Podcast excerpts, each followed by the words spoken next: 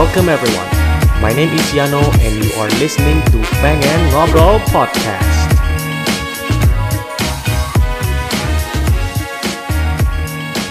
Apa lo tipe kameranya lo? Mantan fotografer juga ya? Oh sama kameranya mirip mirip. Oh sama. Lensanya gitu. Oh. Beda lensa. Jadi ada hobi fotografer juga soalnya Koensis ya? Ada. Sebelumnya. Sebelumnya ada. Kalau stick golf udah bekarat belum di rumah? Masih ada sih. Masih. Kayaknya udah gak pernah kepake itu kok. Iya nggak kepake. Kalau ada yang minat sih boleh juga. Oh gitu. Udah udah mau di udah mau dijual-jual nih. Ah, waktu itu nyoba eh, sebentar aja sih nyoba. Habis itu kok ini kayaknya olahraga aneh. Bolanya kecil banget susah banget. Jadi ya udahlah. Dua tiga kali habis itu udah nggak lagi. Padahal kan kalau golf kan eh, enak olahraga yang buat apa sambil ngobrolin bisnis gitu-gitu gitu.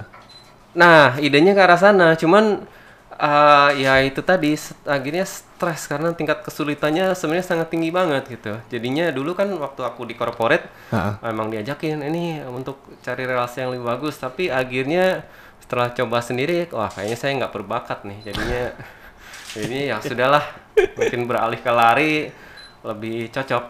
Jadinya, ah ini kayaknya gampang nggak perlu mikir. Sama, kok Levi juga kayak gitu.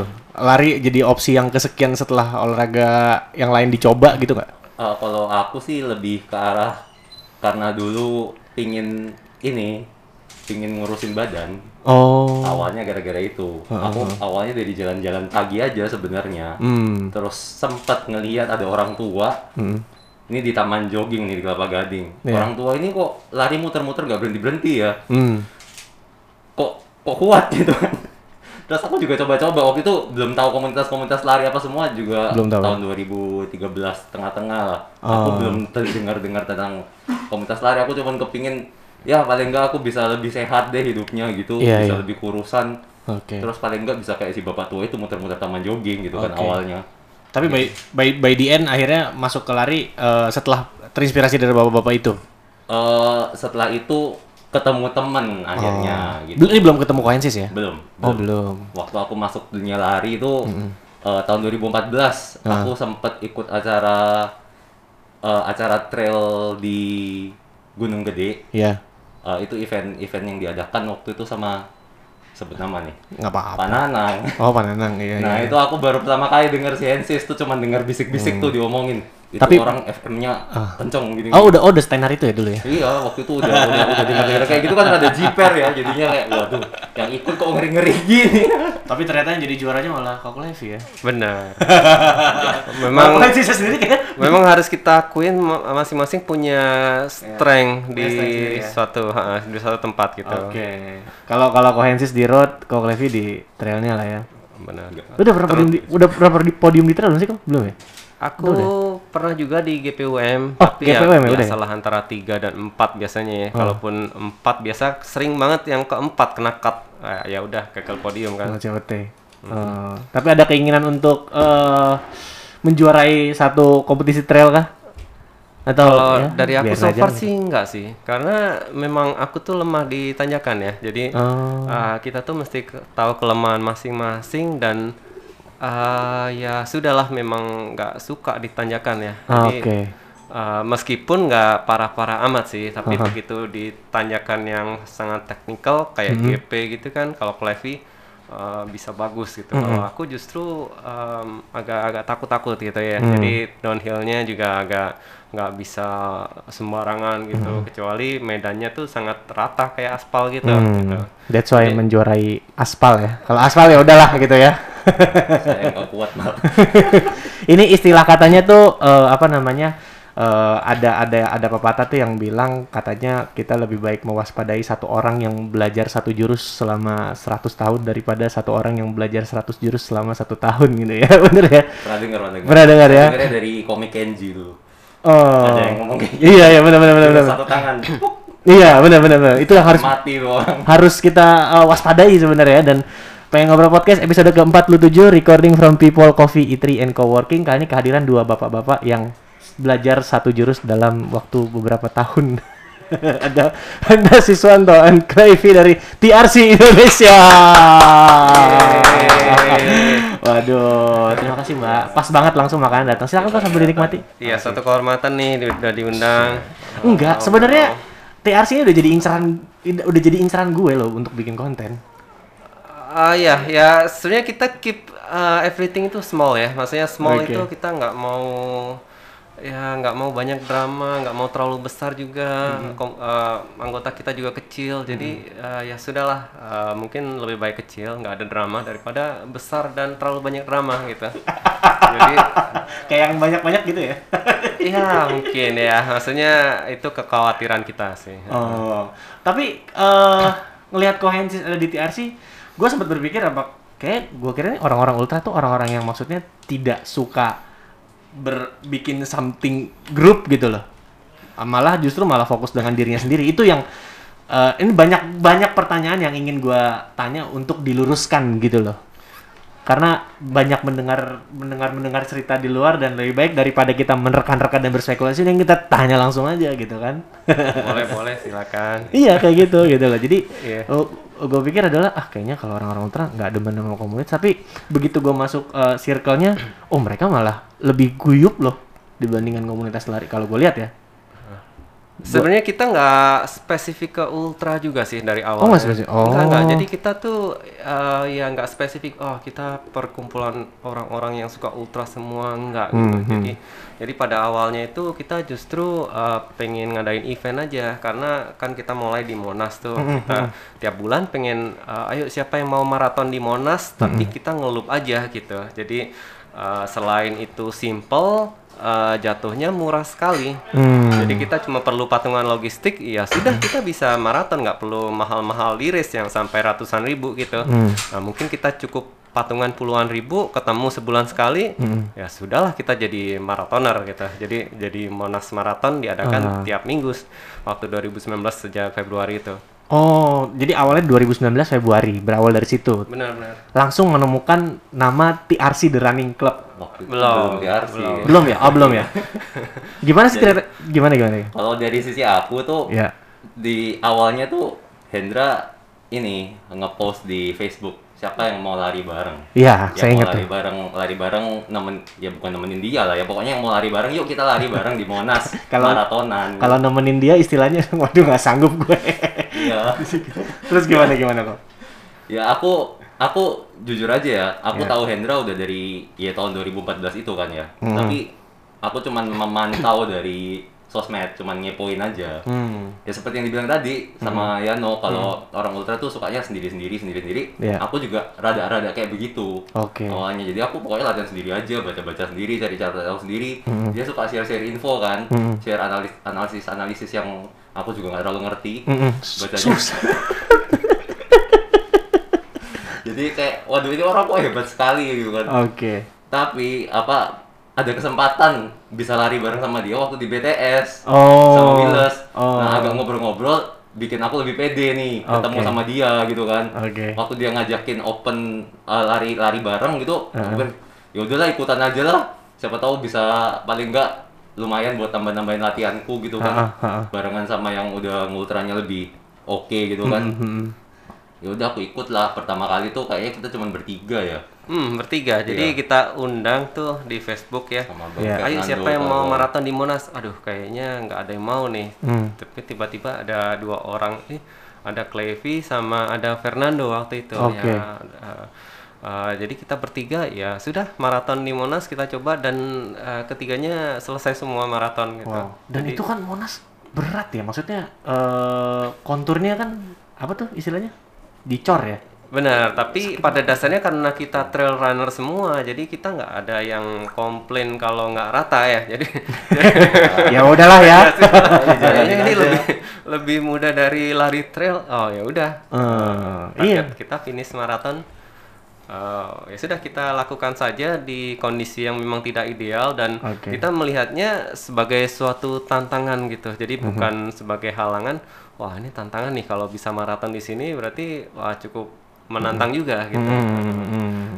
Seperti itu. Jadi dari tiga orang itu eh, akhirnya publish, publish, publish terus di Facebook. By the end mendatangkan banyak teman-teman yang mau ikutan ya. Iya, akhirnya ya rata-rata 25 sampai 30 orang setiap bulannya Oke. dan mungkin kalau kita kumpulkan selama tahun 2019 itu ada 100 orang lebih yang udah pernah uh, join di Monas Marathon ya. gitu. Wow. Sampai akhirnya bikin juga apa ya? Pokoknya Ada Ancol Marathon. iya, pokoknya gue tuh cukup mengikuti sosial medianya Kohensis gitu loh. Ngelihat eh, bikin Ancol waktu itu terus bikin GBK juga ya. Benar GBK, sama di mana lagi sih? Udah itu doang ya? Ancol, Monas, Ancol, GBK. Monas sama GBK. Sampai ya. bikin satu series gitu. Wah, gila sih. Gila sih. Itu eh, sekalian Kohensisnya mau latihan atau gimana? Awalnya Kepikiran awal bikin dia itu? mau latihan buat Tambora kan. Hmm. Sempet apa maraton sampai yang berturut-turut berapa hari itu. Iya. Jadi Eh, kelihatannya seperti itu, tapi sebenarnya pada awalnya itu kan aku sering lari di lari pagi di Monas ya. Lari pagi dulu tuh kalau aku pokoknya tiap hari ke Monas saja larinya gitu. Eh, suatu saat aku udah lari bertahun-tahun di sini, cuman kok nggak pernah eh, jarak maraton ya gitu. Apakah mungkin kita maraton di tempat yang se- eh, sekecil ini muter-muter terus gitu? Kan satu loopnya di tengah itu 1,75 gitu. Uh, jadi kalau uh, udah bertahun-tahun di sini masa nggak pernah maraton sih gitu. Bahkan di jarak yang lebih jauh pun pernah gitu. Uh, di training ground sendiri nggak pernah. Ya udah uh, aku mau coba tapi aku nggak mau sendirian. mengajak mengajak yang lain ikut juga merasakan sengsara ya. Jadi uh, Ngajak apa jerumusin tuh kalau sengsara? dapet lah ya. Maksudnya kalaupun nggak selesai nggak selesai bareng mungkin. tapi Kalau selesai, itu benar-benar apa buat aku senang sih waktu pertama kali diajak Monas Marathon aku tanya lagi kan habis itu ntar ada lagi nggak bulan depan Oh malah nagih ya? dia bilang ah habis itu ntar ada lagi nggak ternyata akhirnya dia bilang iya ntar ada lagi gitu kan. Oh. mau bikin lagi sementara buat aku pribadi. Maksudnya aku termasuk yang kalau buat lari-lari jauh agak susah gitu spendnya gitu kan. Kalau ada tempat kayak gini eh jujur aja buat race kalau mau keluarin seperti yang Hendra bilang tadi buat cost untuk race terus waduh lumayan juga ya kalau race race terus gitu kan. Ini ada kesempatan dibuka sama Hendra yang yang yang paling kita suka aku pribadi sih ya. Dia datang lebih pagi loh selalu sama istrinya sama anak-anaknya. Siapin dulu tuh SWS-nya Gila, itu semuanya. ya. Heeh, siapin dulu tuh SWS-nya Ya. untuk untuk kita lari semuanya. Terus di dijagain tuh WS gitu kan. Ada Mhm. yang jagain nggak anaknya lah atau istrinya atau siapa gitu. Dijagain tuh WS Iya. selama kita lari kita terjamin gitu kan. Jadi Oke. kita ngerasa kayak costnya nggak gede bisa latihan maraton setiap bulan Iya. mau lari maraton nggak usah event toh dan jaraknya juga presisi. Oh. soalnya bener-bener loopnya dihitung kan berapa jaraknya berapa event nggak pakai smartwatch apa pun juga. Eh, mau pakai stopwatch juga ngeloop di pit pit setiap kali satu putaran juga kira-kira kita bisa tahu gitu loh timingnya kita berapa. Jadi aku pikir ya ini ya kesempatan lah buat aku bisa latihan maratonan walaupun eh, nggak bener-bener ngincer waktu ngincer sih waktu maraton tetap ada ambi-ambinya gitu. Kan. Dipungkiri ya. cuman cuman emang latihannya nggak bener-bener untuk maraton gitu karena ngemix ngemix sama ngetrail karena nggak latihan apa gitu semua. Jadi eh, jadi ajang kayak ya kalau nggak dapet ya gue latihan gitu loh. Oke. kira-kira kayak gitu. Kita buat aku sih poin yang paling senengnya itu. Jadi sekalian juga aku bisa ajak anak istri Untuk melihat juga. gitu Oh, jalan-jalan Daerahnya Monas lagi kan? Heeh, nggak Iya. ngeres cuma- cuman di situ-situ aja juga Iya. titiknya Iya, mungkin iya, nggak benar. nggak semua orang ya ada orang yang kalau maratonan tuh maunya jalannya keliling-keliling apa semuanya Nah, itu kan malah justru apa ya PR untuk ngawasinnya juga gitu. Malah justru kalau bikin race kayak gitu malah eh, banyak banyak keuntungan ya. Ngawasinnya juga nggak susah. Iya, tapi ya. begitu kita bikin race, akhirnya itu jadi complicated gitu. Jadi Oh ya? dari sisi perizinan, Hmm. ya kan kita harus uh, punya izin, habis itu izin keramaian gitu ya. Hmm. Jadi jadinya ya udah challenge aja lah setiap bulan kita bikin, uh, kita kumpul, kita batasi malah nggak boleh lebih dari 30 orang. Takutnya Oke. kan uh, itu tadi Keramaian ya? dipermasalahkan keramaian, terus kita juga minta izinnya ke pengurus Monas itu uh, nggak lebih dari 20 orang gitu. Jadi Hmm. Uh, jadinya ya sudah kita harus batasin malah gitu malah uh, kita buka seminggu kita tutup karena uh, sudah terlalu ramai gitu akhirnya di akhir-akhir uh, tahun itu gitu. Oke. tapi pada awalnya sih memang aku pengen maraton di sana aku suka lari jauh oh ya udah ini training ground yang bagus Monas dan fotonya bisa epic juga dengan background Monas gitu Hmm. kan Uh, kalau misalnya aku lari maraton sendiri pasti istriku nggak mau support gitu karena Hmm. ya ngapain support lu sendiri Kok gitu sih? Gimana sih? Nggak, maksudnya secara resource Oke. Akan sia-sia banget Oh, untuk banyak yang mubazir ya? Nah, banyak yang mubazir Iya, kan iya, iya. kita bisa memanfaatkan ya udah ajak teman-teman lu Oke. Uh, kita support kita bisa uh, nggak mubazir kan jadinya uh, aku berpikir kalau aku sendiri pasti kayaknya sih nggak bakal mau dia nge-support Oh. ya kayak kayak orang gila aja lu nge-support satu orang gitu. kalau banyak jadinya uh, kita bisa manfaatkan resource uh, jadi lebih Oh. bermanfaat untuk banyak orang gitu Oh sananya gitu. Kirain bosan kalau nungguin satu orang. nah, gue gak paham konsep. nah terus selain itu juga Stick around because we'll be right back.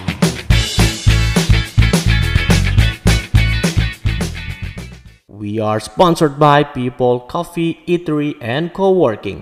Berlokasi di Bintaro Jaya Sektor 9, People nggak hanya sekedar tempat nongkrong dan hangout bareng teman-teman lo sambil ngopi dan makan makanan yang enak-enak banget guys. Tapi di sini bisa menjadi alternatif tempat lu kerja karena menyediakan co-working dan juga meeting space. Dan People buka setiap hari dari hari Senin sampai Jumat jam 9 pagi sampai jam 8 malam serta hari Sabtu dan Minggu jam 8 pagi sampai jam 9 malam. Untuk informasi lebih lanjut langsung aja cek Instagramnya di @people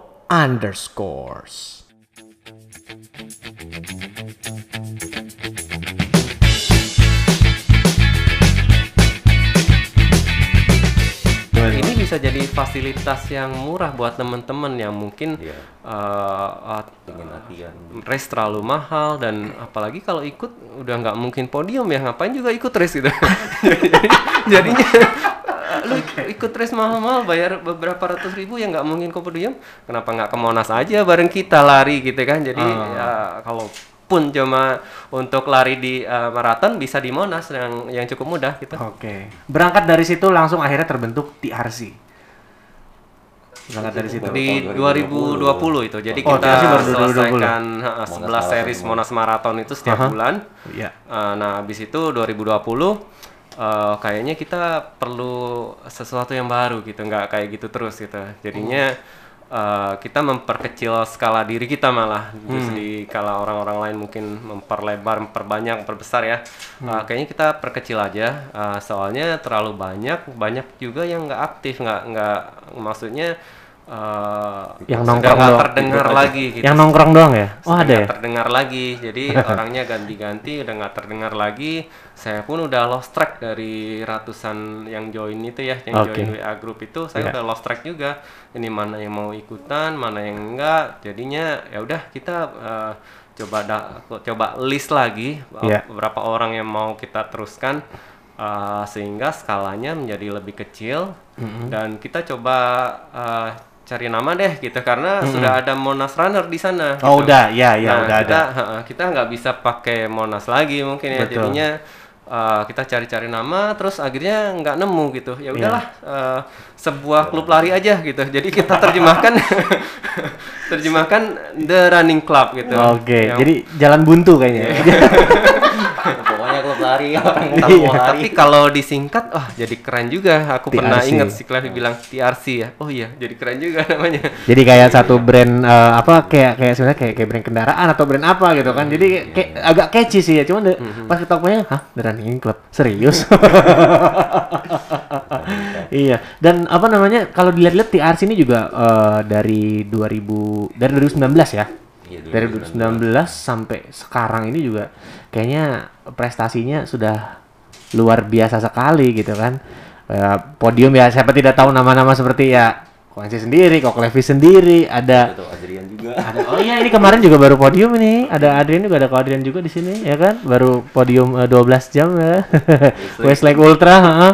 Kalau kita tahu ada eh, pelari idola wanitanya ada Chia Chen ya kan yang paling diidolakan oleh eh, semua kalangan ya kan. banget iya. Banget. Dan dan banyak lainnya gitu ya. Podium podium apa? Podium 1 Binloop Relay 120 podium 3 Binloop Relay 60 disabet juga kan? Terus juga eh, podium 1 sampai 3 male 24 hour Westlake podium 2 sampai 3 female 24 jam 20 24 hours. Podium 1 male 12 eh, 12 hours. Podium 3 female 12 hours. Gila. Ini wow sekali sih eh bagaimana sih kontribusinya TRC dalam mengembang mengembangkan eh, apa namanya skill larinya teman-teman di sana gitu? Karena menurut gue nih kalau bikin satu klub atau bikin komunitas or whatever it is namanya ini sebuah tantangan sih untuk sebuah tim itu untuk bisa membantu developing member-membernya. Karena saya berpengalaman di komunitas tapi komunitasnya mau maju tidak mau.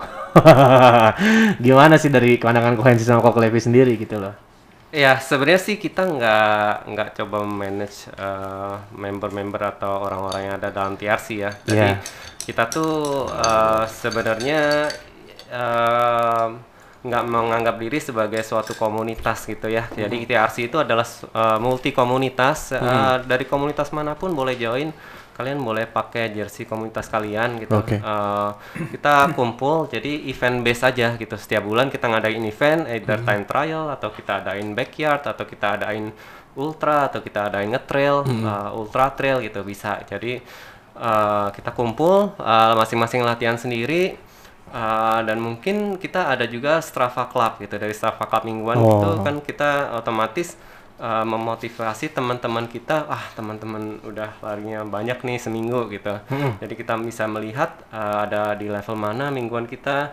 Nah akhirnya termotivasi gitu. Uh, di satu sisi uh, mungkin pengen lebih banyak agar uh, sama kalau uh, otoma ap- apalagi kalau udah join suatu event ya udah daftar satu event atau race katakanlah Westlake gitu. Ya, Nah, akhirnya kan ya. uh, uh, dia tertarik nah terus kemudian dari sisi TRC kita setiap bulan coba ngadain event uh, ya kita adain uh, seperti satu event latihan ya sebulan Oke. sebelum Westlake kita mau adain misalnya 100 km eh, dari jam 6 malam sampai jam 6 pagi gitu. Eh, tapi ya banyak dramanya di situ eh, belum sampai 100 kilo kita udah diusir Satpol PP waktu itu. waduh itu ini ini jam 2 Pak di peak waktu itu. Ini Oh. jam 2 Pak, bukan waktunya olahraga.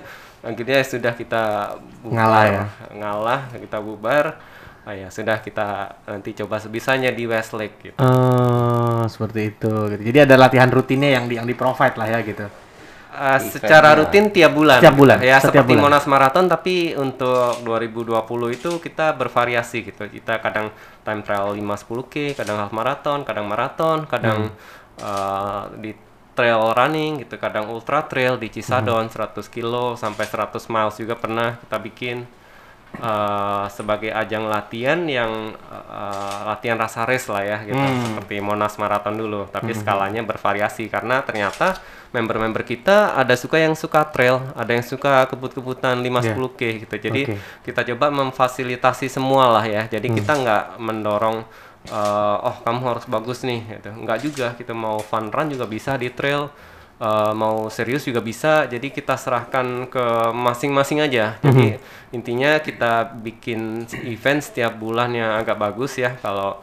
uh, mau memanfaatkan dengan baik ya kamu bisa maju. Kalau fun, fun run pun nggak masalah juga gitu. Kita ketemu kumpul-kumpul uh, dalam skala yang terbatas. Nah justru dari Monas Marathon itu uh, kita nggak nyadar juga itu merupakan bentuk yang paling pas menghadapi pandemi seperti ini gitu. Karena kalau kita orangnya sedikit Uh, mungkin kita sekitar 48 orang ya di Sampai saat ini 50 sampai 48 saat orang. ini. Hmm.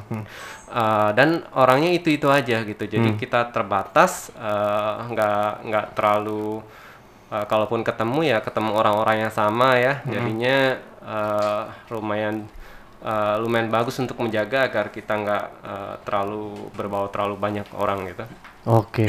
Dan tetap rutin sampai sekarang dibikin lah itu Rutin. sesi latihan-latihan itu ya. Dan oke, ini yang menarik tadi sempat dibilang eh, memfasilitasi 5 kilo, 10 kilo fun run karena yang berseliweran di luar sana kayak kelihatan ah kayaknya TRC harus ultra nih masuknya di sana. Bener gak sih ya karena mungkin ada sosok-sosok yang memang sangat berpengaruh di ultra gitu yang di yang yang ada di sana gitu kan. Iya, gitu. ya, Jawara-jawara ultra bisa, gitu. ya, Latihannya juga long run gitu dan ya nggak tahu bener atau enggak nih gitu loh. Gimana tuh Koensis meng- eh, menjawabnya?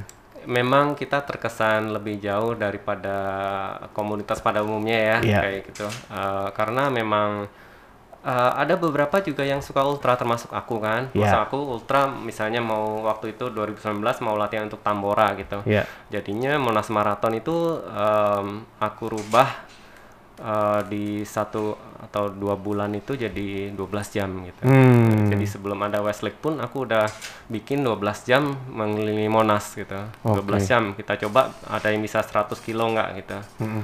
Kayak Ancol juga pernah bikin ya? Ancol pernah juga eh, 12 jam juga. Eh, malah 12 jam itu saya bisa menyelesaikan 122 kilo waktu itu. Astaga. wow. Jadi sekalian persiapan untuk race-race seperti Tambora, seperti TT 200 gitu. Oke. Jadi waktu itu uh, tujuannya seperti itu. Jadi kita modif sesuai dengan race yang akan ada gitu. Tujuannya kita juga latihan untuk uh, race-race itu. Oke, seperti itu ya. Dan em, yang unik dari TRC dan pencapaian teman-teman TRC sendiri tuh apa tuh menurut Kok Levi dan eh, Kohensis? Yang unik sebenarnya kita terlihat sangat serius mungkin di luar ya. Iya, Tapi betul. Ter- satu, satu contoh, saya pernah join eh, Zoom-nya waktu itu. Zoom-nya waktu itu kalau nggak salah yang sama Abdullah Mitice. Kan sebelumnya itu kan, tapi mohon maaf saya harus meninggalkan lebih awal karena apa? Eh, cukup berat pembahasannya. Dan satu lagi waktu itu, ini ini gue baru ngomong nih, ini gue baru ngomong nih. Waktu itu gue sempet daftar ikut masuk ke Telegramnya juga ada kan gitu. Cuman baru lima menit masuk, ya Allah berat sekali nih kohensis pembahasannya, mohon maaf. uh, iya. Jadi kayaknya, wah ini kayak serius banget TRC. Itu ya salah satu trigger point yang gue pengen banget ngobrol sama teman-teman TRC gitu. Konsepnya itu seperti apa sih gitu. Jadi mohon maaf ya. Iya, ya mungkin seperti itu ya persepsinya ya, kelihatan Iya. serius dan mungkin itu uh, suatu sesi yang paling serius yang pernah. Iya, itu kebetulan saja ya, kebetulan saja agak uh, dan lumayan relatif baru ya topiknya gitu, uh, running with power uh, dan kita apa ya kita membuka diri kayak aku juga aku tuh membuka diri terhadap uh, aku sebut aliran-aliran baru lah ya. Jadi aliran lari kan banyak nggak cuma satu gitu. Kamu ya mau belajar aliran lari yang di mana pun di luar pun juga boleh gitu, nggak harus Ya. satu aliran gitu. Uh, kalau kamu mau belajar aliran satu aliran dan uh, kamu bisa bagus, ya mungkin kita bisa belajar dari kamu gitu, regardless kamu pelari baru atau apa gitu. Jadi jadinya membuka diri dengan seperti itu mungkin bisa bikin kita berkembang gitu, nggak stick. Oh kalian harus ikut aliranku seperti ini ini ini gitu. Uh, eh, nggak seperti itu harusnya. Kita sharing aja gitu. Ada punya aliran ini oh bagus juga untuk orang yang ini. Aliran itu oh bagus juga eh, untuk orang itu. Jadi eh, selain multi komunitas tadi kita sebenarnya ada multi aliran juga. Ada yang pakai marathon ada yang Oh, ada ya? pakai Ja- Jack Daniel. Eh, seperti aku juga pakai Jack Daniel yang aku kombinasikan dengan eh, street running by power gitu. Jadi Oke. akhirnya eh, nggak kita nggak mengikuti suatu pakem khusus eh, kita membuka diri. Eh, dan cukup kumpul aja setiap bulan tunjukkan kalau latihanmu itu bagus gitu. Jadi Hmm. dengan kamu nunjukin hasil yang bagus otomatis kan kita terbuka eh, eh, Lu latihannya persepsi gimana, kita. Gitu. Eh, jadi Oke. kita sharing latihan kayak gimana oh bagus juga bisa seperti ini ya gitu. Jadi ada beberapa seperti itu jadi aku juga ikut belajar juga gitu Oke, Di jadi sana. istilahnya daripada lu ngomong gue yang paling bener, mendingan lu buktiin aja di situ kalau emang latihan lu bener dan lu bagi bagi kita nih caranya gimana, kayak gitu ya kurang lebih. ya? Benar-benar kita sharing bagi ilmu, eh, kita gilir tuh ganti-ganti orangnya. Ya kayak tahun lalu tuh 2020 kan banyak yang sharing-sharing kayak Adrian nge-share gitu semuanya tuh juga Ya. jadi masukan-masukan yang oke gitu loh buat Oke. buat eh, buat saya juga banyak gitu. Saya yakin juga buat lain-lain gitu. Terus ada siapa lagi yang member yang lainnya Pau itu yang sharing, oh ternyata dia latihannya gitu-gitu gitu, Hmm. gitu kan kita baru tahu, oh mungkin itu saya aku bisa apply juga ke latihanku gitu Oke, kan, oke. seperti itu bisa aku mix juga, Hmm. jadi kita bisa cari yang cocok buat dirinya kita sendiri seperti apa gitu kan, Eh, enaknya kayak gitu dan dan di grupnya itu eh, selain yang di Strava itu eh, kan memang kumpulan orang-orang yang suka lari gitu kan. Mm-mm. orang-orang yang suka lari jadi pada lari-lari semua. Jadi Mm. buat buat saya sendiri sih kayak oh positif ya. Kalau gue suka lari gue masuk situ gue termotivasi nih jadinya. Eh, ngelihat mileage mileage nya yang lumayan tinggi tinggi itu kan jadi kayak Kayaknya bukan lumayan lagi. kayak gue gue kurang. Agak tensin gitu ya. gue kurang gue kurang niat nih latihannya gitu kan. Ya maksudnya eh, adi- nggak tahu ya kita harus ambi atau enggak apa semuanya Ya. tapi ada orang yang funnya tuh memang ambisiusnya tuh jadi yang fun buat dia gitu juga kan ada Ah. juga orang yang kayak gitu gitu mungkin Kayak Eh, siapa tuh? Bakat-bakat ambisius yang ada tuh kayak siapa ya tuh? maksudnya maksudnya bukan ambisius yang negatif ya maksudnya Iya, kayak iya. kayak termotivasi gitu wah dia bisa kencang segitu gue juga mau gitu loh kencang kayak gitu gitu loh eh lu latihannya ngapain aja gitu kan jadinya karena dia cerita oh gue latihannya begini begini Oke. begini begini begini begini makannya gimana gitu semuanya itu kan oh oke oke jadi jadi inputan gitu kan kalau kalau kalau kalau kayak yang trailnya eh, jago apa gitu semuanya kita dia sharing ya kita dapat inputan juga dia latihannya ngapain aja ya Oke. kira-kira seperti itu sih saling sharing sharingnya dan Oke. dan nggak dan nggak dipaksa juga sih sama eh, Ya kadang kita kalau- iya nggak dipaksa untuk ini juga sih untuk apa harus Harus ikut ya? accomplish, eh, eh, accomplish sampai kayak gimana nggak juga Oke. kadang kita tuh saling menginspirasi ya. Jadi kayak Clevi eh, itu sebenarnya menginspirasi kita melalui GP 100 mungkin meskipun dia sendiri nggak sadar gitu ya. Jadi gimana Jadi, Clev, hebat banget baru pertama kali udah langsung finish sedangkan aku sendiri lima tahun nggak finish finish. Jadi emang oh ternyata ya ternyata strong pointmu di uh, gunung yang sangat teknikal gitu kan. Ah, GP kan gitu ya. benar. Konturnya gitu juga. Heeh. Padat batu-batuan semua. Heeh. Stick around because we'll be right back.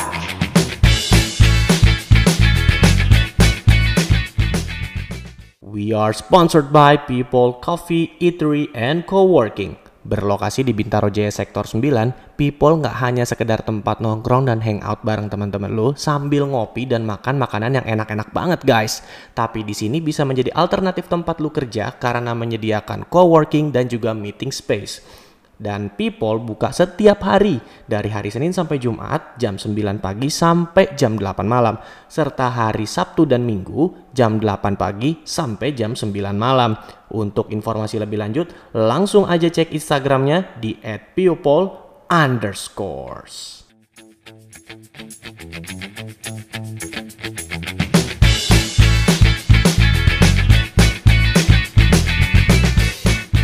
ada juga teman kita tuh satu ya, eh, mungkin juga dia sendiri nggak merasa ambisius tuh, ta- tapi eh, seperti William Hartono ya, dulu Oh, iya. ikut Monas Marathon Desember 2019 dia 3 jam 40 menit.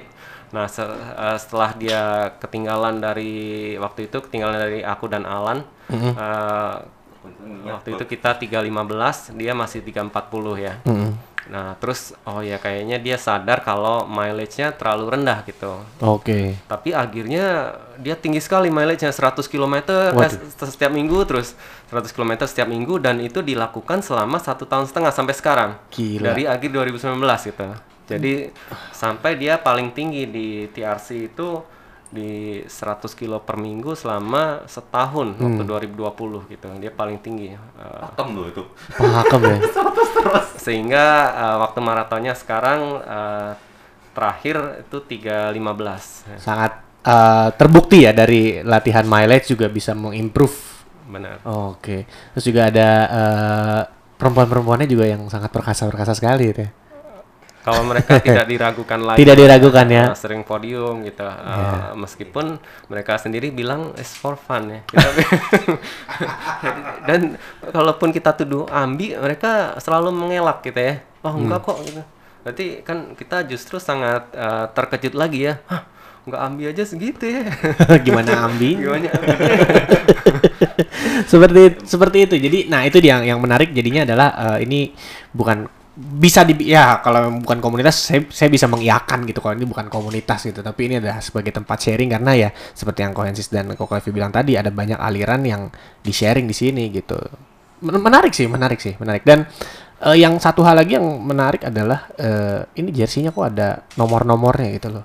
Ini apa? Nomor-nomor maksudnya? Eh, peringkatkah atau eh, apa nom- nomor nomor apa namanya nomor urut masuk atau Main kayak domba satu-satu. Nah dulu dal- dulu waktu Monas. Marathon ya, oh kalian pakai jersey kalian masing-masing aja. Kita untuk Oke. menghemat kos, eh, kita nggak menyediakan jersey dan eh, dan waktu itu kita bilang eh, digratiskan lah ya, karena kita cuma patungan aja tuh untuk logistik dan semuanya dibelanjakan untuk logistik juga gitu. Oke. Jadi ada jersey eh, tambah kos lagi yang nggak perlu gitu. Kalian pakai komunitas masing-masing kalian. eh sehingga costnya lebih murah. Tapi, Tapi yang finish nah, dapat jersey waktu itu. tapi yang finish malah Iya. dapat jersey. Waktu itu Itu dapat. Waktu itu tau kaget aku kok aku dikasih jersey ya. Oh, iya, jadi nge-trigger ya. Iya. Iya, iya. Dan jersinya itu unik gitu. Jadi kita uh, waktu itu bekerja sama dengan 3J, kita bikin finisher. Uh, mungkin yang di- seperti yang dipakai Adrian itu Ya. kalau finish, finisher sub 330. Yo, warna iya. merah. Valid ya. Valid. Ada sub 4 warna biru. sub 4 setengah warna kuning sama sub 5 warna hijau gitu. Oke, valid banget lah kayak gitu. Nah, kalau ada nomor-nomor sekarang nih yang Nah, edi- edisi terbaru nih. begitu kita TRC, uh, kita melakukan event base setiap bulan. Ya. Kayaknya kita perlu jersey baru nih. Uh, tap- tapi wah kalau misal dan kita pakai timingnya cukup uh, profesional juga pakai web scorer pro ya. Jadi Oke. kita ngeloop sekarang ada timing yang sah gitu ya. Uh, pakai web scorer dan kita perlu suatu nomor untuk uh, orang timingnya bisa tahu gitu. Karena nggak inget kan Clevy uh, nomor kalau ada BIB uh, kita Pernah dulu pun pernah pakai semua? kertas dan pensil warna Kapan tuh dulu? sebagai BIB untuk trial Oh, timingnya. Oke, oke. Trial timing, ah udah ada lima orang kita pakai kertas sama pensil warna aja untuk trial gitu. Akhirnya kita butuh uh, suatu cara agar nggak perlu pakai bib karena susah males bikinnya juga. Iya, PR lagi kan gitu Nah, ya. PL lagi ya sudah kita bikin kaos dengan ada nomor gitu. Hmm. Jadi untuk timing yang manual itu selain murah eh, kita bisa enak nggak usah pakai bib segala macam. Ada nomornya orang yang timing manual tadi Hmm. eh, bisa gampang dan waktu kita ter- tercatat dengan lebih profesional ya dengan baik gitu. Oke. Setiap loop. Makanya kadang kan kalau kalau nggak pakai nomor cuma ngeliat muka doang kayaknya ntar kalau lagi lari cepet ah siapa tadi barusan yang lewat pasti pasti ada kejadian kayak gitu deh. Benar, benar. Iya kan, nah oke. Ini eh gue mau mau ngerucutkan eh, pembicaraan nih. Since Ko Levi dan Ko Hensi ini adalah penikmat lari ultra, kecil kita bilangnya ultra runner entusias, ultra running entusias lah gitu loh. Em, kultur lari ultra di Indonesia nih. Ya, gue gue ingin banget mas. Kalau kalau bahas tentang teknik lari apa nggak usah lah ya. Kayaknya udah udah udah udah lah semua lah latihannya. Apalagi gue sih sudah tahu semua lah. Em, kultur ul- lari ultra gitu. Ultra tuh di Indonesia tuh sangat identik sekali dengan santai, sangat identik sekali dengan apa ya? eh, sangat identik sekali dengan menikmati perjalanan di rute dan eh, apa ya? berkesan dan juga ini eh, menyiksa diri gitu. Jadi kayaknya nih ini suatu olahraga yang sangat ekstrim banget dan ah, udah lu ngapain sih sampai ada beberapa orang yang bilang "Oh, ngapain sih lu ikut ultra? Lu cuma ngerusak badan doang gitu loh. Nah, ini ini ini ini jadi wishlist gue untuk ngomong sama teman-teman TRC semen- sebenarnya karena di situ banyak penikmat lari ultra dan memang ya kebetulannya sih kalau kalau lagi ikut event ultra ketemunya dia lagi dia lagi gitu kan gitu. Nah gue pengen eh, bagaimana sih eh, point of view kalian terkait eh, kultur lari ultra di Indonesia gitu loh Iya, eh, benar kultur ultra lari biasanya sih kebanyakan orang ya sekedar finish. Habis itu juga Nah, itu tuh. eh, eh, apalagi kok juga banyak yang menganggap kalau oh kita harus eh, makan yang sebanyak-banyaknya agar gak habis bensinnya gitu ya. Hmm, Ada juga yang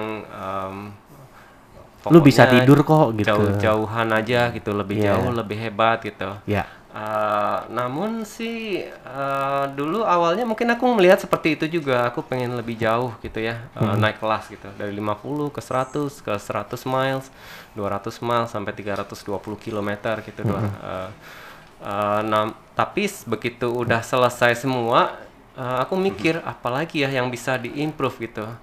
Ah, ternyata eh, menurut pemikiranku itu jarak pendek eh, not necessarily lebih jelek daripada jarak panjang kalau waktunya bisa bagus gitu. Jadi eh, jadi eh, kes- jadi analoginya seperti half marathon yang bagus pun bisa lebih bagus daripada maraton yang dilakukan dengan santai kan. gitu. Eh, jadinya ketika kita memperbaikin waktu di 100 kilo otomatis eh, waktu untuk 320 kilo kita lebih bagus gitu. Pada prinsipnya seperti itu.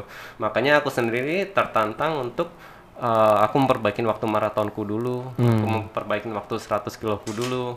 Uh, sehingga waktu 320 kiloku jadi lebih bagus Gitu, dicatat. Cohensis bukan tiba-tiba langsung ujuk-ujuk ke 320 juga, perbaikin dulu gitu. Benar, benar. Soalnya kan yang udah-udah, ah, aduh lu kalau daftar race tapi nggak FM nggak nggak keren lah istilahnya gitu. Masa cuma ikut 5 kilo doang kayak gitu.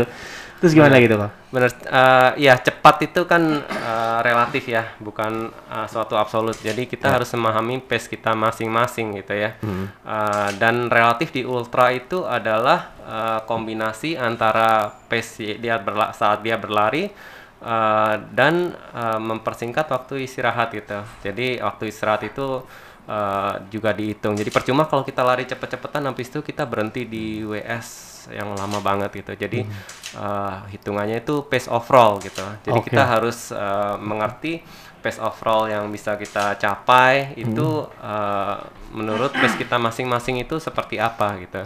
Kalau di luar sih pace eh, yang standar ya di AU itu eh, ada ada in- international ultra organisasi Oke. Eh, itu disyaratkan kalau kita mau ikut eh, 24 jam di situ dipersyaratkan pace 6 solid gitu. Overall artinya 240 km gitu. Baru bisa Wow. baru bisa ikut eh, event 24 jam secara internasional di sana gitu. Dan Oke. mungkin eh, untuk elit-elit itu ya jadi. Iya makanya kalau di luar kayaknya perkembangan lari ultra tuh eh, apa ya gimana ya? Kalau ngelihat kayaknya wah ini udah kayak lari fun run ini eh, udah kayak lari 5 5 10 kilo ini gila gitu lah dan eh, perkembangannya di Indonesia sendiri menurut Kohlesi dan Kohensis gimana tuh? Eh, di Indonesia eh, dari satu sisi ya masih perlu ditingkatkan soal itulah ya. Eh, Ya. jadinya kita eh, cenderung kompetisi saja gitu. Jadi eh, bukan berarti nggak bagus, tapi kalau kita ingin ikut di ultra di internasional gitu. Eh, mungkin ada standar-standar yang harus kita eh, tingkatkan ya. Selain pace overall tadi juga ada misalnya eh, ada kualifikasi kualifikasi seperti UTMB, Spartathlon, uh, ada uh, waktu-waktu khusus yang harus kita tempuh gitu. Jadi nggak hanya sekedar finish, tapi kita latihan untuk uh, bisa mendapatkan kualifikasi di sana. Dan mungkin tantangannya seperti itu ya. Tapi pada dasarnya sih ya itu tadi kita memahami pace masing-masing dulu. Ya. Nggak harus kenceng kok gitu. Tapi kalau kita bisa meminimize waktu kita di WS ya uh, konsisten, habis itu uh, nggak harus kenceng pace 7 aja kita bisa 100 kilo dalam 12 jam gitu kalau kita nggak istirahat sama sekali misalnya seperti itu jadi Kar- karena yang udah-udah kan ah ya udahlah ngepecet juga ke apa-apa. tapi ada juga yang COT-nya sadis ya sebenarnya se- seperti TB Ultra itu Oh iya. 100 kilo sadis sekali Betul. jadi jadi, Sadis jadi sekali. dengan perlu strategi khusus ya nggak harus cepat tapi itu Oke. tadi ma- uh, meminimalkan waktu di WS sehingga bisa under COT Hmm. Dan menurut eh Kohensis dan Koklevi sendiri proses seseorang menuju ke ultra itu eh, relatif makan waktu berapa lama sih dan apakah memang harus step by step gitu maksudnya dari HM dulu ke FM dulu atau terus coba eh, 50 dulu atau berapa atau memang bisa jumping jumping jaraknya gitu atau gimana? Menurut aku sih ya minimal setahun pertama di full marathon ya. Mhm. Tahun kedua di 100 kilo, baru uh, tahun ketiga baru bisa ke 24 jam gitu. Jadi mungkin uh, ya dua tahun sampai tiga tahun kalau misalnya untuk uh, mau masuk ke 24 jam secara bagus ya seperti Westlake seperti itu tahapannya ya gitu. Uh, pada umumnya. Dan dan kalau dilakukan lebih cepat dari itu ya mungkin bisa saja gitu. Tapi akibatnya ya itu tadi uh, berpotensi merusak badan karena kita nggak pernah uh, berlatih sejauh itu dalam seminggunya terus tiba-tiba kita memaksakan diri kita di yang sangat jauh sekali Hmm, gitu iya.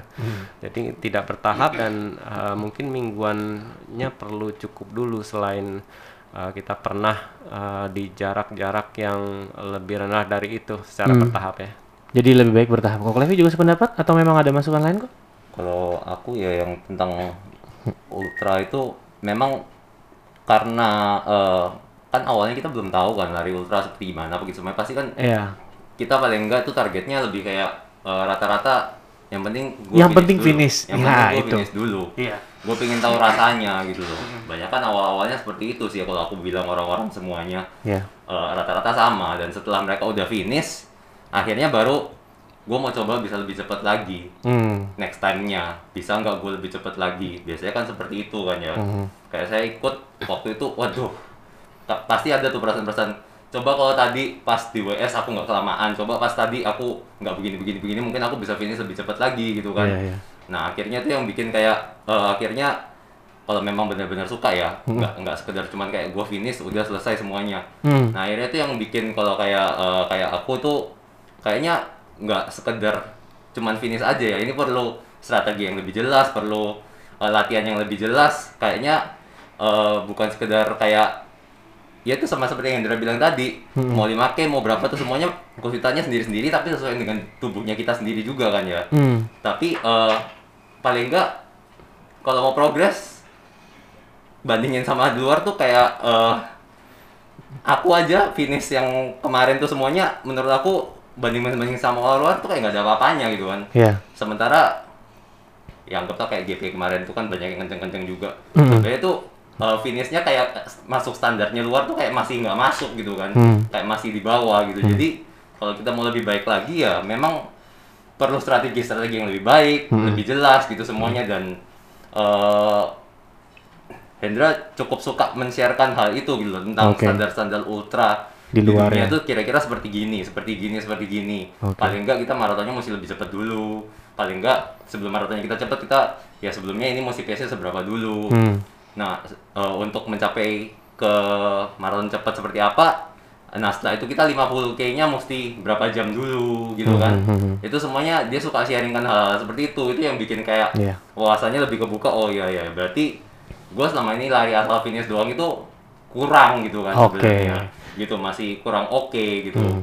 Kalau memang kita kepingin progres loh. Kalau ya. pengen- pengen progres. Nggak, nggak, Iya. nggak, nggak dipaksain juga. itu yang saat itu satu hal juga yang eh, apa namanya membuka wawasan gue juga khusus pribadi ya dan juga melihat satu eh, postingan feedsnya ko William Lesmana Stick around because we'll be right back.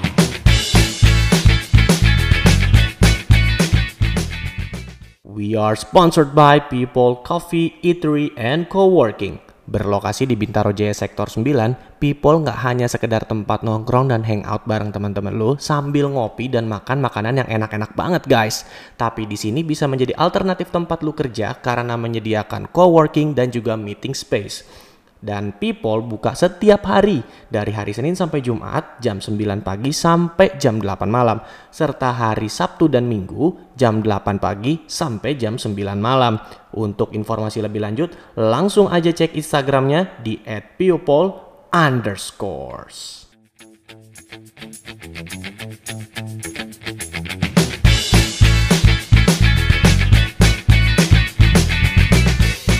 kalau nggak salah itu abis ini ya abis Ratu Care yang waktu dari Cibubur Lembang yang apa eh Hmm, beat yang tahun 2020. Ya, 2020 kemarin eh, dia bilang terima kasih kok Hendra Siswanto yang telah mengajarkan bahwa ultra itu adalah cepat gitu. Jadi menurut gue eh, eh, apa namanya? Bahwa ultra sendiri pun ya memang butuh preparation dan eh, dan dari pengalaman dan dari pengalaman gue mengikuti beberapa acara ultra apa aj- ajang lari ultra pun juga oh iya benar gitu harus ada perhitungannya gitu loh. Kita nyiapin baju berapa gitu kita eh, ngatur waktu istirahat berapa jam berapa jam gitu. Dan apa ya cukup belajar juga sih karena waktu itu saya ketemu Kohensis pertama kali kayaknya keadaannya nggak enak banget pingsan di titik ultra waktu itu 100 kilo Iya, kelihatan iya. banget newbie tapi tapi itu. dia udah finish 200 masih bisa senyum-senyum. Finish pingsannya enak banget habis makan siang. Lagi lagi mau makan siang waktu itu kelar bangun-bangun tiba-tiba lagi dibopong sama orang kan nggak enak banget itu blackout gitu.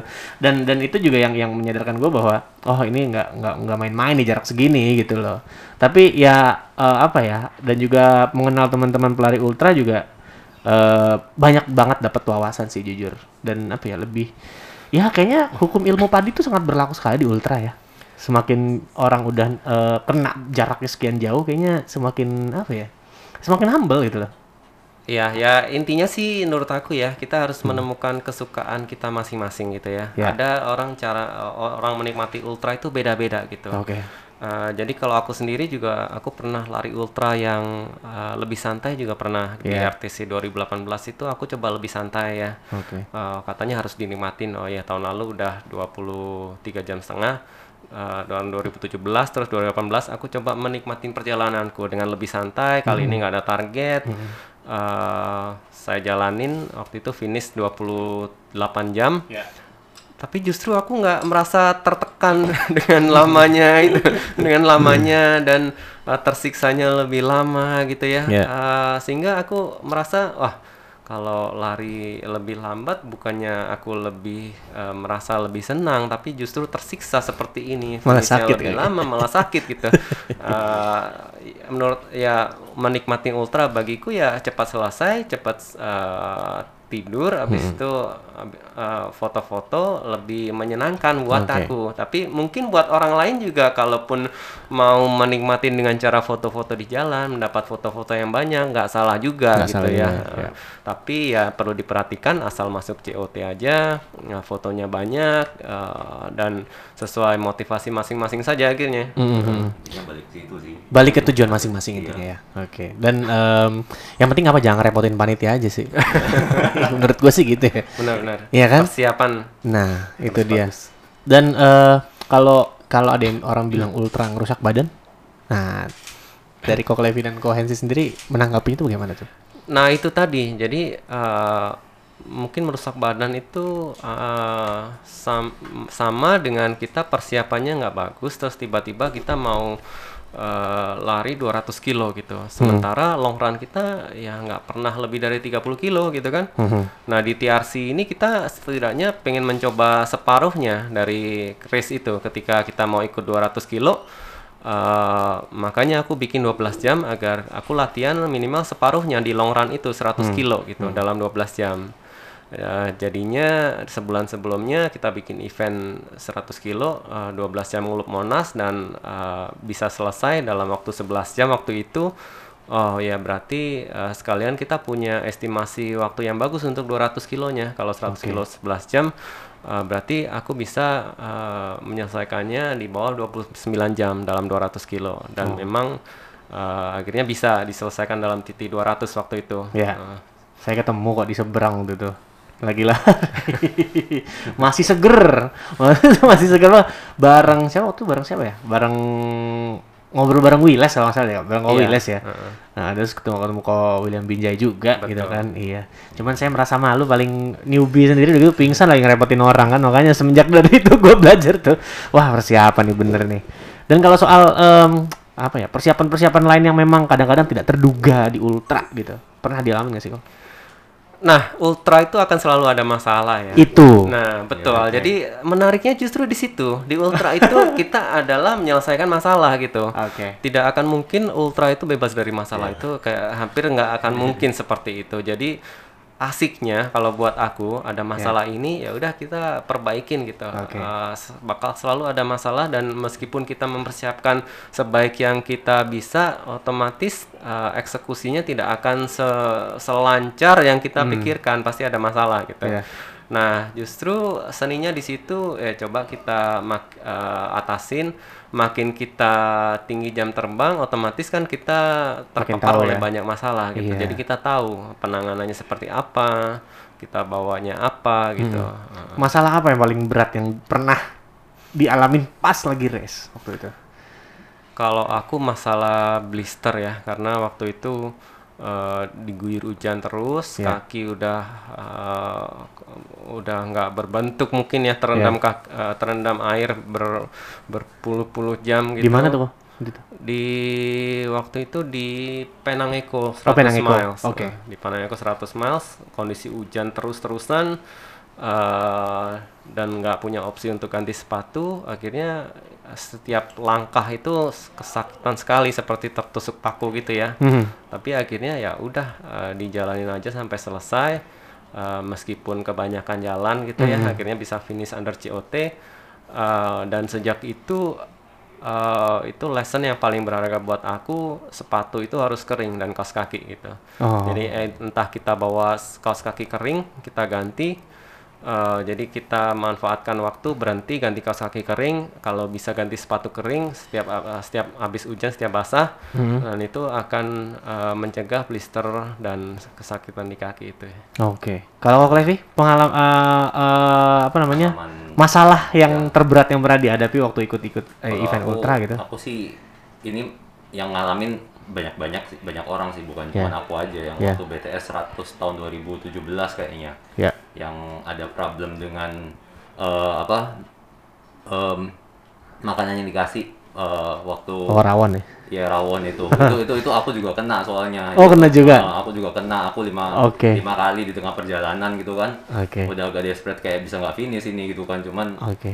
eh ya problem-problem kayak gitu gitu yang tahu-tahu waduh kok tahu-tahu kayak begini gitu ya Iya. sama kemungkinan eh, problem-problem lain kayak eh, aku sih setelah itu kan banyak coba antisipasi Ya. Eh, problem-problem kayak cua- cuaca sih ya kalau yang Hmm. dihadapin gitu semuanya yang tahu-tahu dingin banget lah tahu-tahu apa itu semuanya ya itu akhirnya mesti mikir gitu kan tengah-tengah jadi kira-kira eh, jaketnya kurang begini mesti dibungkus pakai apa gitu kan supaya Oke. supaya bisa tahan lebih gimana gitu paling kondisi-kondisi kayak gitu pakai Oh. tangan tahu-tahu hujan pos tangannya basah Aha. akhirnya mesti diakalin kayak gimana paling yang perintilan-perintilan kecil kayak gitu gitu loh supaya bisa tetap survive gimana gitu kan Hmm. jadi Oke. dibungkus plastik kah atau apa dibungkus di jaketnya ya Kayak gitu ya. problem-problem yang kayak gitu kalau aku sih Kalau hacksnya yang maksudnya hacksnya dalam artian adalah eh, yang harus selalu ada gitu di ultra dan memang ah ini ini ini jadi eh, apa namanya setelah gue mengalami eh, berapa kali ultra kayak ini gue harus bawa ini deh gitu dan tips ini eh, barang ini tuh cukup ampuh untuk eh, membantu gue dalam menyelesaikan race gue gitu. Kalau dari Kok Levi apa tuh biasanya? kalau aku kalau ngeres ultra yang paten selalu dibawa ya tuh? apa ya ya ya ya pasti fast ya Oke. iya fast fast sama minum-minumnya barang-barang lain yang inti yang lainnya sih nggak ada yang sampai gimana gimana ya Nggak aku, ada ya? aku juga soalnya ya ini juga aku belum selama ini pengalamanku sendiri aku belum pernah yang benar-benar pakai nutrisi-nutrisi yang Hmm. eh, nutrisi cepet seperti misalnya jujel apa gitu semuanya jadi Oke. karena aku tipenya lebih banyak ultra ultra Hmm. di trail Hmm. jadi aku lebih banyak ngisi makananku dengan makanan-makanan yang eh memang makanan-makanan yang bukan liquid gitu loh Solid Makanan- food gitu ya? solid solid food yang bawa-bawa sendiri selama ini Oke. jadi ya aku yang penting ada vest ada itu sama jaketku ap- eh, jaket sama si siapa tuh yang blanket eh, safety blanketnya Oh, ngetrail. emergency blanket. Ya, Ah, ya, iya. emergency blanket itu kalau aku udah bawa itu semuanya dan obat-obatan biasanya itu udah udah cukup Udah feel aku, safety lah ya, gitu. Iya, Oke. pokoknya yang safety semuanya itu aku udah rasa cukup gitu. Oke. Walaupun itu agak berat, tapi kalau aku latihan aku selalu kayak gitu. Oh. kalau Kohensis sendiri gimana tuh? Yang harus selalu ada gitu buat Kohensis kalau lagi ikut event ultra ataupun lagi lari ultra lah gitu. Eh, mungkin kalau aku sih terbagi dua ya, Ya. jadi eh, ultra di trail sama ultra di road ya. Ya. Nah, eh, kalau ultra di trail itu eh, mungkin kita perlu bawa eh, eh, mandatory gear. Ya, pasti. Eh, eh, jadi eh, kita harus fokus di situ agar ya setidaknya selain melindungi diri, kita harus mengikuti aturan agar tidak didiskualifikasi ya. Karena beberapa race-race di luar seperti di Malaysia itu sangat ketat gitu. Jadi selain dicek kita bisa di DQ, ya semuanya sia-sia aja gitu. Nggak bisa tuh ya nego-nego gitu. Udahlah, masukin Nggak aja lah. Oh, nggak nggak bisa. Karena saat finish pun kadang dicek juga. Oh. Jadi kriteria jadi finisher pun eh, dicek setelah finish. Meskipun kenal orang dalam juga harus ya rata-rata di luar nggak tidak orang ada ada orang dalam ya. Iya. nggak nggak ada nego-nego ya bahkan Oke. bahkan aku dengar di TMB pun akan di stop di tengah-tengah gitu kalau kita nggak bawa mandatory gear ya Wow. Oke. Dan em, tahu sendiri lah ya 2020 nggak ada event ya. Eh, target apa yang tertunda dan eh ingin dilakukan kalau sudah selesai pandemik atau dalam masa-masa pemulihan ini ingin dilakukan gitu. Target personal dan target TRC tentunya. Eh, Ini kayak wishlist lah jatuhnya ya. Iya. Nah, Kalau target pribadi sendiri sih masih uh, untuk aku sih masih pengen fokus di ultra road ya. Ya. Uh, masih ada beberapa PR ya. Eh, misalnya 100 kilo aku pengen under 9 jam. Eh, terus di Tambora juga pengen under 50 jam gitu ya. Masya Allah.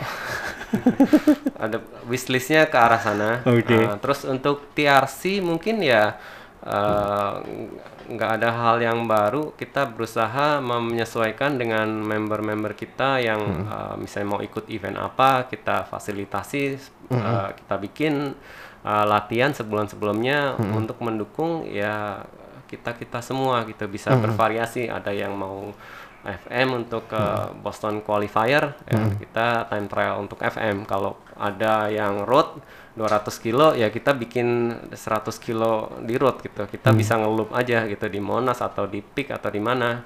Eh, yang jelas eh, dari sisi supportnya itu kita eh, gantian, jadi Ya. eh, saling mensupport dan eh, sa- saling sharing dan ya saling menyemangati satu sama lain gitu. Oke. Kalau untuk TRC-nya sendiri mau ada eh, apa ke depannya nih nanti? Nah, ke depan eh, masih banyak ya eh, eh, ingin eh, cita-citanya kita pengen Everesting kayak minggu depan kita mau Everesting eh, mau trail tapi bukan sembarang trail kita pengen gainnya at least menyamai Mana tinggi gunung? Everest gitu ya 8848 meter. Heeh. Itu pegelnya luar biasa tuh rasanya gitu. Terus ada apa lagi kok? Eh, Bocil. ya terus satu lagi Bikin eh, race management nggak? bikin race management em, Ini kan udah udah udah pakai web score-nya ada. itu kan. Pak manajernya. oh. Eh, ada kepikiran ke arah sana sih, cuman eh, ya seperti kita juga pengen menyadarin resource kita sendiri terbatas, selain budgetnya juga terbatas ya. Kita pengennya sih s- terspesialisasi ya, karena spesialisasi kita eh, ngeloop Iya. salah satu alasannya resource kita terbatas gitu. Oh. Dengan ngeloop ya kita bisa Dua aja eh, 12 jam, Iya. 24 jam seperti Westlake ya. Iya. Jadi sebenarnya itu hal yang mudah yang bisa kita lakukan eh, tidak butuh resource banyak gitu tapi eh, cukup menarik juga gitu Cukup menarik Dan ya. bisa dapat poin juga kan kalau di trailnya itu lumayan buat kita jaga-jaga poin. Ah, buat buat kualifikasi ke UTMB ya. Iya, ha-ha. Iya iya seperti itu. Ma- Di, ma- diurusin poinnya. kayaknya nggak pakai buat UTMB doang nih. Kalau ikut beberapa race juga harus ada yang pakai kualifikasi poin kan ya? Iya. Oh, Oke. Kalau untuk harapannya sendiri buat em, culture lari ultra di Indonesia gitu. Mau ke depannya nih maunya dari Kohensis tuh mau eh, seperti apa gitu? Eh, kalau aku sendiri secara pribadi sih eh, pengen banget culture-nya itu eh, lebih kompetitif ya artinya eh, kompetitif itu kan eh, ultra kita belum belum begitu dilirik oleh eh, pelari-pelari yang bagus gitu ya Betul. jadi meskipun eh, waktuku juga banyak yang bilang bagus, tapi sebenarnya banyak potensi pelari-pelari kita yang lebih bagus dari itu. Contohnya di UTB Ultra, aku merasa waktuku udah bagus 28 jam, ternyata ada yang bisa 27 jam gitu. Dan itu pun udah melebihin standar-standar di luar seperti Titi ya. Oh. Untuk 200 kilonya 20 jam 27 jam itu udah sangat-sangat fantastis sekali gitu. Jadi banyak masih banyak potensi-potensi uh, pelari-pelari kita untuk menyelesaikan ultra dengan sangat bagus ya. Oke. Jadi harapannya ya lebih kompetitif sehingga uh, sehingga mungkin pemerintah juga bisa melirik uh, potensi-potensi kita di uh, untuk mengirimkan pelari-pelari Indonesia di ajang 100 kilo di dunia. Nah, Karena udah diakuin oleh IAAF dan uh, tapi belum ada pelari Indonesia yang uh, berlari di sana gitu. nah buat nyampe ke situ tuh gimana tuh kok?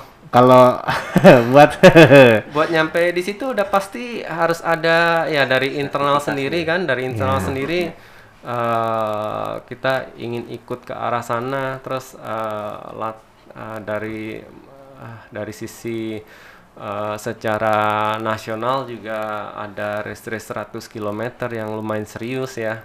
Eh, kan sampai saat ini mungkin seriusnya hanya sampai skala maraton saja kalau saya bilang. Yang 100 kilo pun sebelum pandemi juga sangat jarang sekali gitu ya. Iya, iya sih. masih lebih banyak Malaysia yang setiap bulan mungkin ada 100 kilo gitu. Iya. Saya lihat Kohensis sering larinya ke Malaysia. Karena mulai banyak sih di situ ya. Lebih banyak di sana. Oh. Jadi eh, selain itu juga kompetisinya lebih besar di sana sehingga Oh. eh, kadang yang kita cari juga kita pengen improve ya. Kita pengen berlari dengan orang-orang yang lebih bagus gitu ya. Agar Apakah perlu ekosistem ultranya dulu dibesarkan? Maksudnya kalau dari sisi penyelenggara kayaknya kalau kita bikin race ultra tapi peminatnya nggak banyak, kayaknya ya dulu Hendra sempat ini sih, Nah. kepingin kepingin agar mungkin looping looping 12 jamnya 24 jamnya tuh bisa terse- tersertifikasi sebenarnya dengan baik jadi Gimana bisa tuh? looping looping yang ada nih sekarang yang Iya. event yang diadakan TRC itu Ha-ha. inginnya bisa lebih ter- tersertifikasi supaya nanti ikut event yang ada sekarang di misal kita ngadain event itu Ya. itu bisa mensertifikasi orang untuk nanti mungkin ikut Spartathlon kah Hmm. gitu sebenarnya nggak tahu masih kayak gitu nggak masih aku ingat Oh, dia punya pernah pikiran ngomong- gitu? dia pernah ngomong pingin bisa Iya. seperti itu juga Ya gitu. sebenarnya nggak susah gitu karena pada dasarnya kan kita butuh adain setiap tahun ya. dengan result yang cukup profesional uh, bisa dipertanggungjawabkan Hmm. dan uh, dan jelas gitu. Jadi artinya uh, IO-nya uh, terpercaya gitu. Maksudnya ada dokumentasi resultnya dengan bagus dan itu pun kalau misalnya dilakukan dengan jarak yang standar sudah bisa dipakai kualifikasi untuk race-race lain gitu Hmm. mungkin di Malaysia, mungkin di Spartathlon. Jadi jadinya eh, nggak perlu nggak mungkin yang di ultra itu nggak sesusah-susah seperti eh, yang harus eh, untuk maraton AIM certified untuk qualify Boston gitu. Jadi eh, sehingga eh, ada hanya punya result yang cukup bagus dan bisa di tracking dari tahun ke tahun itu pun juga sudah eh, membuat senang peserta seperti saya ya jadi bisa melihat gitu kayak saya ikut TT tahun berapa tahun berapa resultnya cukup bagus didokumentasikan di sana gitu Hmm. dan split splitnya pun cukup profesional dilakukan setiap loop setiap jarak tertentu Oke. sehingga ada detailnya Jadi dari uh, event larinya sendiri di Indonesia juga harus ada hasil yang certified gitu ya.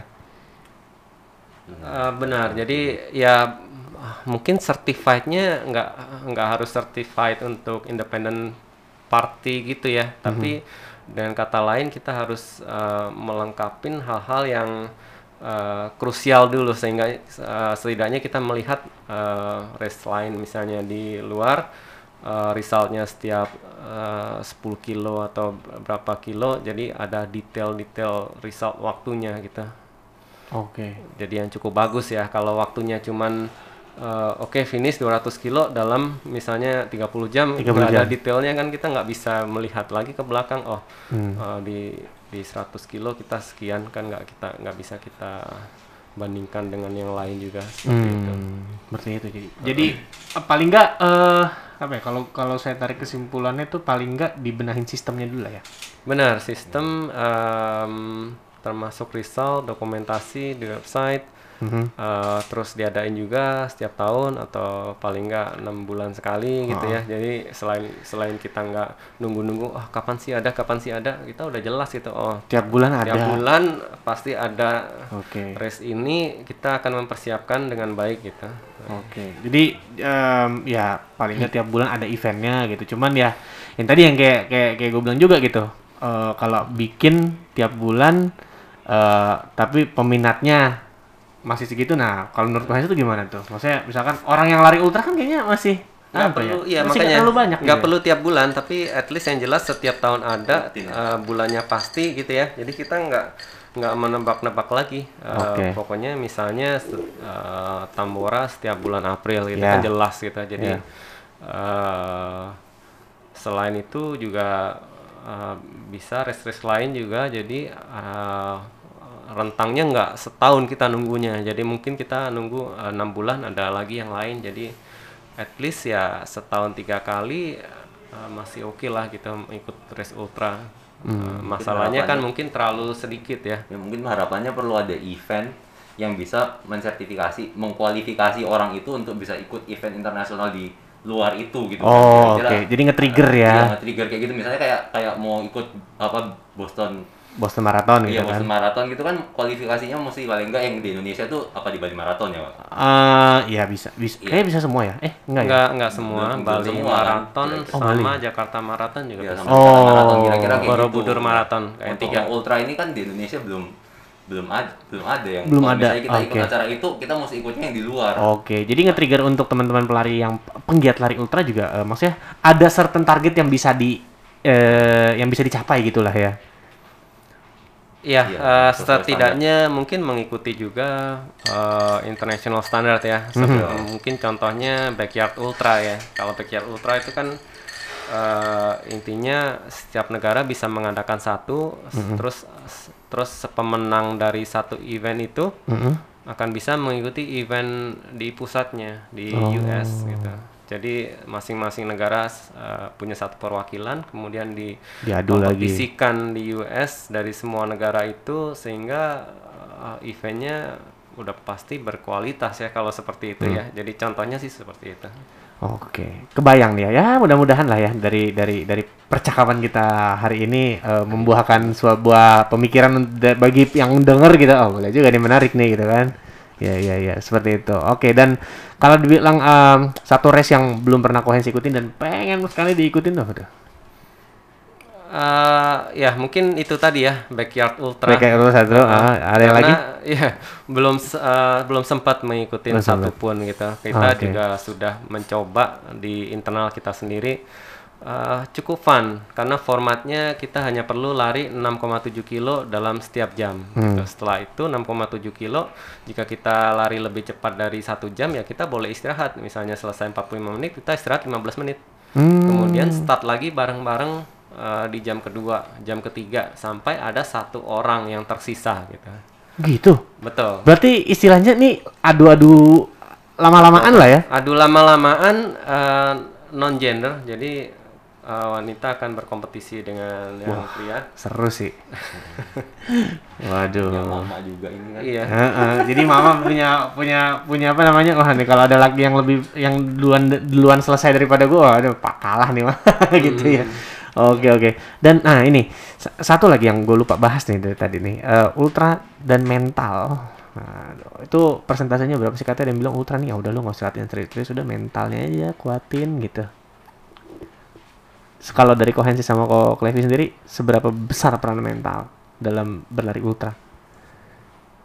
Em, mental cukup besar ya. Menurut aku sih ya, eh, tetap fisik harus dilatih ya. Hmm. Ya mungkin eh, tapi 70% harus mentalnya kuat dulu gitu. Terutama jam terbang eh, Mm. mengikuti event-event sebelumnya. Hmm.